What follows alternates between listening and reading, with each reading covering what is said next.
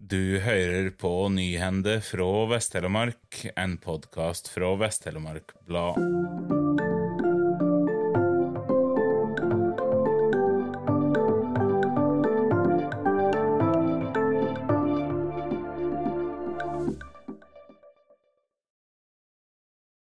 Framlegget om mellombels å samle de eldste elevene i kirkebygda og de yngste i Treungen har vekt sterke reaksjoner.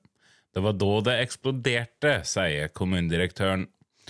I juni vedtok Nisdal kommunestyre et opprustningsprosjekt til mange millioner kroner på storskolen i Treungen.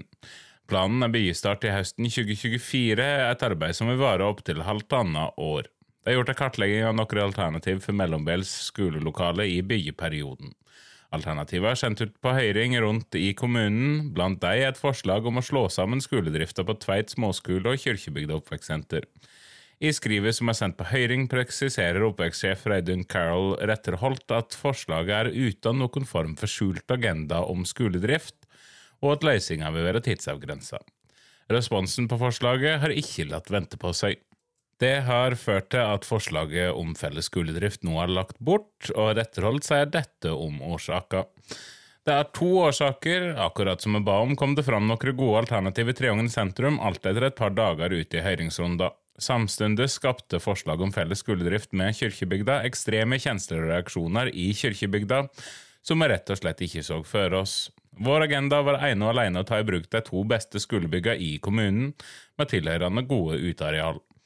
Men gamle kjensler om skolenedlegging kom opp straks, og det ville være synd å bruke så mye krefter på mobilisering mot et tiltak som i utgangspunktet bare var positivt meint. Vi arbeider for samhold, ikke strid. Derfor valgte vi å trekke forslaget og arbeide mot løsninger i sentrum, er svaret fra Retterholt. Blant andre alternativ er det forslag om brakkerigg for storskolen med plassering ved sentralidrettsanlegget i Treungen. Idrettslaget er villige til å leie ut klubbhuset i byggeperioden.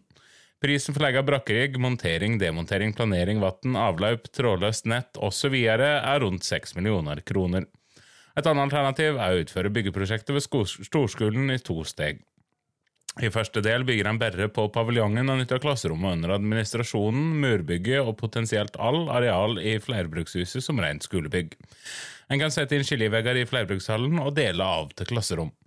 I neste del, når paviljongen står ferdig og en skal starte arbeidet i den andre delen, flytter de deler av elevbasen over i paviljongen. En legger til grunn at skolen har tilgang til hele flerbrukshuset i hele byggeperioden dersom murbygget ikke kan bli nytta. Noe annet som er nevnt, er å ta i bruk de tidligere skolebyggene på Felle og Fjone, der både plasser er barnehage i dag. En kan se for seg å ha ett steg på Felle og ett på Fjone i byggeperioden. En må i så fall finne andre løsninger for barnehagene i perioden, da det kan være vanskelig å sameksistere i disse byggene. På Felle var barnehagen tidligere i Grendehuset. En må vurdere en avtale der. På Fjone må en se etter andre løsninger, står det i høringsskrivet. Kommunen har bedt om skriftlige innspill på alternativer innen 1.11. De oppmår òg til at folk som har alternativ som ikke er nevnt i høringsskrivet, kommer med dem. I Tokke fungerer nå kommunalsjefen for skole og oppvekst også som rektor på Tokke skole, men nå søker kommunen etter ny rektor på nytt. Det blir jo ikke en sju og en halv timers arbeidsdag, det går for en kort periode, men det er en travel høst, forteller Tone Lunde Skålen. Hun er kommunalsjef for oppvekst, kultur og idrett i Tokke kommune, og i høst fungerer hun i tillegg som rektor på den klart største skolen i kommunen. Jeg er på skolen stort sett to-tre dager i veka, så jeg deler omtrent 50-50 mellom de to jobbene. Vi tilsetter ny inspektør på skolen i høst, og i tillegg har et par lærere fått noe administrative oppgaver, om lag 40-50% forteller Lunde Skålen. Før hun gikk til jobben som kommunalsjef, var hun rektor på Tokke skole i mange år, så hun kjenner jobben godt. Men hun innrømmer at å kombinere de to stillingene er langt fra ideelt.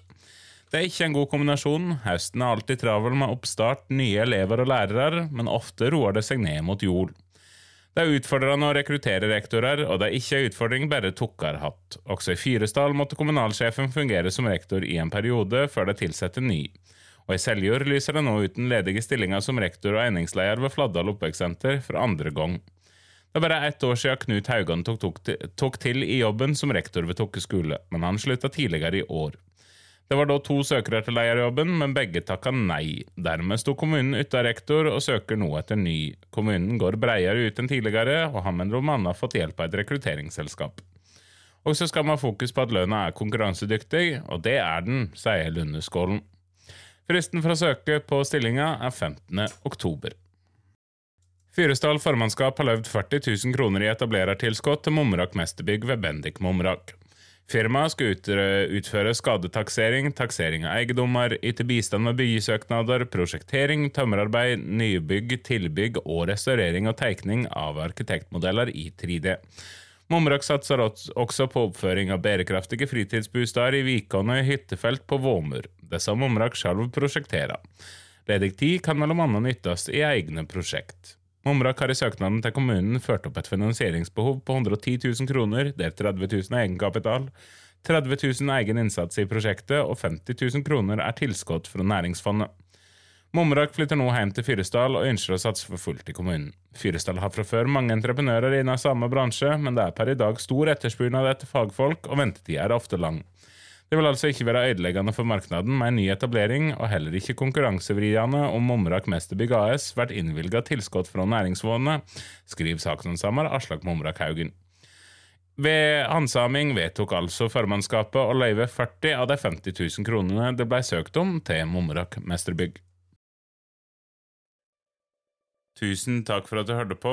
Denne sendinga var produsert og presentert av Aslak Kringhus for Vest-Telemark Blad, og musikken er laga av Symre Taugbølbang.